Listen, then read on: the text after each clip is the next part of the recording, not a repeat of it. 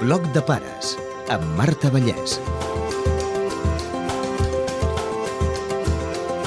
Avui parlem de la depressió infantil amb la doctora Montse Pàmies, presidenta de la Societat Catalana de Psiquiatria Infantil i cap del Departament de Psiquiatria Infantil de l'Hospital Parc Taulí de Sabadell. Avui no em surten les paraules No tinc alè per caminar és una situació vital de canvi. Un nen o un adolescent que té un estat de vida normal, estable, i té un trencament. Comencen a aparèixer uns símptomes, eh, i aquests símptomes són símptomes depressius. Això pot passar a qualsevol edat de la vida. Abans es creia que els nens no tenien depressió. A mitjans del segle passat hi havia algunes veus, alguns autors que dubtaven de l'existència de la depressió en els nens, alegant que la depressió no es podia donar en un subjecte que la seva personalitat no estava del tot estructurada. És cert que la personalitat dels nens no està tot estructurada, però ara el que sí que sabem és que els nens poden tenir depressió com els adolescents i com els adults. Les característiques d'aquesta depressió seran diferents en la infància i en l'adolescència i també una mica diferents que l'edat adulta perquè sospitem que un nen pot estar deprimit. El símptoma principal sí que en els nens sol ser la tristesa, igual que en l'edat adulta. En els adolescents, en canvi, moltes vegades el símptoma principal és la irritabilitat. És un nen que està permanentment, bueno, durant un període de temps, mantingut enfadat. Altres símptomes que trobem en els nens més petits tenen a veure amb el pensament que tenen. No? Quan la persona té una depressió, té una distorsió del seu entorn i veu les coses d'una forma clarament més negativa. A l'escola també detecten sovint que alguna cosa no va bé. A vegades els que detecten la sintomatologia depressiva són els professors, perquè és un nen que té un bon rendiment habitual i de cop i volta, doncs, amb un, amb un trimestre, comença a baixar el rendiment. De cop i el veuen més apagat. I a vegades han sigut els professors els que han trucat a la família i dit, escolta, mireu això, el que es diria als pares que si els professors diuen això, d'entrada l'actitud no és de culpabilitat, ningú està d'entrada culpant als pares. Aquella època en què els pares eren culpables de tot, per sort, ja ha passat passat i, per tant, busquin una solució perquè podria ser que el nen tingués una depressió. El nen deprimit ho passa força malament. Sentir-se culpables. És que per culpa meva doncs, els meus pares s'han separat, o per culpa meva han renyat el meu germà, o per culpa meva no anirem d'excursions de la classe, sent sentiments de culpa. Altres sentiments és d'incapacitat. Seré incapaç de passar a segon de primària. Seré incapaç d'anar a un partit de bàsquet i jugar. Són sentiments d'incapacitat en aquelles coses que són habituals i ordinàries ordinàries en els nens i que els hi costa fer-les. Por a que el pare i la mare s'oblidin i no em vinguin a recollir a l'escola. O por a que els meus pares tinguin un accident. Sempre que hi ha aquestes pors no hi ha una depressió. Hi ha nens amb ansietat que tenen aquestes pors, però quan aquestes pors estan en el context de l'ànim baix i d'aquells pensaments, doncs llavors són més símptomes depressius. Cansat, cansat de fer-me mal, de viure en un engany, cansat de mi. No Els nens continuen amb les seves rutines, però arrossegant-se. El nen està com si anés a càmera lenta, les activitats que tenia ganes de fer, doncs té menys ganes de fer, l'han d'estirar. Sí que és veritat que amb l'edat adulta, a vegades els adults deixen de fer aquestes activitats i els nens ho tenen més difícil, perquè els pares els porten, tant si volen com si no, als llocs. Per tant, a vegades no és que deixin de fer-les perquè hi van, però no disfruten com abans, estan com més apagats. Menjar i dormir també poden canviar. Habitualment és reducció de la gana en els nens, en els adolescents pot ser un increment de la gana i també normalment una alteració de la son. L'alteració de la son en els nens amb depressió és més inespecífica. No és tant com amb els adults, que és un despertar precoç a les 3 del matí, a les 2. Amb els nens a vegades és aquest despertar precoç, a vegades és que els hi costi agafar el son, a vegades és el son fraccionat, per què es deprimeixen els nens? Sabem que hi ha una part que és biològica, genètica, hereditària, és a dir, hi ha una predisposició del nostre cervell que heredem, no tenim molt clar quins són els mecanismes de l'herència, els estem estudiant, però hi són. Per altra banda, també sabem que hi ha factors externs que ens influencien i poden precipitar una depressió. Aquests factors externs poden ser pèrdues, separacions, o poden ser fets que tinguin poc pes, però que en aquell nen i en aquella situació li hagi provocat una situació depressiva, un estat depressiu. És una interacció entre els gens i l'ambient que es produeix en qualsevol edat de la vida.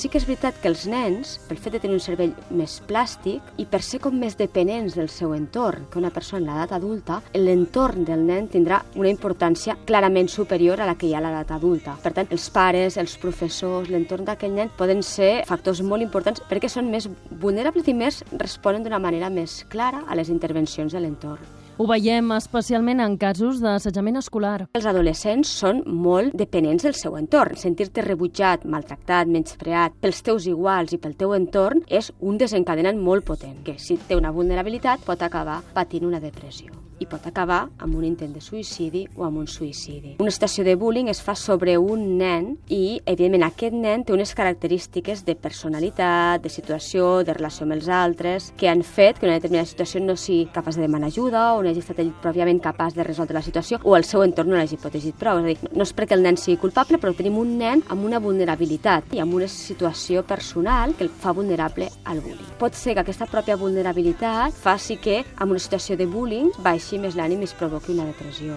I en nois i noies més grans? En els adolescents, també una de les coses que hem de diagnosticar, que hem de fer el diagnòstic diferencial és el consum de cànnabis. El consum de cànnabis amb règim de dependència, amb règim mantingut, pot crear una sintomatologia de desmotivació, d'aplanament, que pot semblar una sintomatologia depressiva. I per tant també és una de les coses que hem d'investigar i si cal tractar doncs, amb els adolescents. Quan sento que tot s'ha acabat, que no sé aixecar el cap, que no tinc forces per continuar cap endavant. Davant la sospita que un nen està deprimit, què fem? Que a vegades el que primer detecten els pares és que el nen està més apagat, té menys gana, hi ha alteració de la son, és a dir, aquests símptomes físics són els primers que ens criden l'atenció. Llavors el lògic és passar doncs, primer pel primer agent de salut, que és el pediatre. I de fet ens va molt bé que sigui així, perquè la depressió també s'ha de fer un diagnòstic diferencial amb la malaltia mèdica, és a dir, algunes malalties mèdiques com la mononucleosi infecciosa, algunes anèmies, inclús alguns tipus de leucèmies, que poden començar amb símptomes físics que s'assemblen a la depressió. Per tant, aquest primer cribatge del pediatre que hagi valorat el nen orgànicament i que hagi descartat la patologia mèdica és molt important. Com es diagnostica la depressió? Perquè si puguem diagnosticar una depressió, els símptomes han de ser d'una determinada gravetat i han de durar un determinat temps. Encara que hi hagi una separació dels pares, hi pot haver una depressió darrere. És a dir, que el fet de que el desencadenant sigui extern no vol dir que el nen no pugui tenir una depressió. Diagnostiquem una depressió, evidentment, primer descartant la patologia orgànica, que no ens estiguem confonent si una malaltia física, i llavors parlant i identificant els símptomes en el nen, explorant clínicament el nen, parlant també amb els pares i moltes vegades també amb l'escola, perquè són els dos entorns més importants al nen. Amb això identifiques els símptomes, la intensitat i la duració necessària com per confirmar un diagnòstic de depressió. I en aquest cas haurem de ser menys exigents. Algunes vegades hem de recomanar als pares que redueixin la pressió exterior, sobretot quan està començant una depressió, perquè llavors la sensació d'incapacitat que tinc, afegida a la pressió o el que jo crec que els meus pares m'estan pressionant, perquè a vegades és la percepció que té el nen de la pressió dels pares. La percepció que jo tinc del que m'estan demanant, del que demanen de mi, no puc, no? No puc, i això, doncs, incrementa, empitjora la sintomatologia de depressió. I el tractament? Quan la depressió és lleu o lleu moderada, fem un tractament psicològic basat en l'evidència, és a dir, que tinguem evidència científica de que això funciona. Anar a parlar o anar a jugar, sense més, evidentment, no té una validesa en quant al diagnòstic. Llavors, la teràpia psicològica que funciona en els nens és la teràpia cognitiu-conductual. Doncs analitzem la seva conducta i els seus pensaments. Els hi donem estratègies per identificar doncs, aquests pensaments distorsionats. Què puc fer per modificar-lo? Què puc fer per la meva conducta no sigui d'aïllament? Sempre en aquest treball inclourem també a la família, als pares, sempre. Què passa amb els casos més complicats? I ens plantegem posar un tractament farmacològic. Els tractaments farmacològics que han demostrat evidència amb els nens i que estan indicats aquí en el nostre país són els inhibidors selectius de la recaptació de serotonina, fluoxetina, aquesta és la que té indicació, i altres com la sertralina, l'efcitalopram... Però quan utilitzem un tractament farmacològic en la depressió amb els nens, que l'hem d'utilitzar quan la sintomatologia és moderada o greu i sobretot quan hi ha idees de suïcidi, sempre serà conjuntament amb la teràpia psicològica. Als pares els costa acceptar la medicació? En general, general hi ha certa reticència de no tractament farmacològic als nens amb depressió i amb altres tipus de trastorns que tractem els psiquiatres infantils. El que passa és que jo sempre els dic als pares que em consultin tot, que em preguntin tots els dubtes. Es tracta doncs d'explicar-los els estudis que hi ha darrere, la evidència de la millora i tal. I de fet és una por inicial perquè després quan veuen que el nen entre la teràpia psicològica i el tractament farmacològic va millorant, torna a riure, torna a jugar i torna a ser el nen d'abans, després els pares són els que primer defensen que utilitzem totes les estratègies que tinguem al nostre abast per ajudar aquell nen. L'alba plora,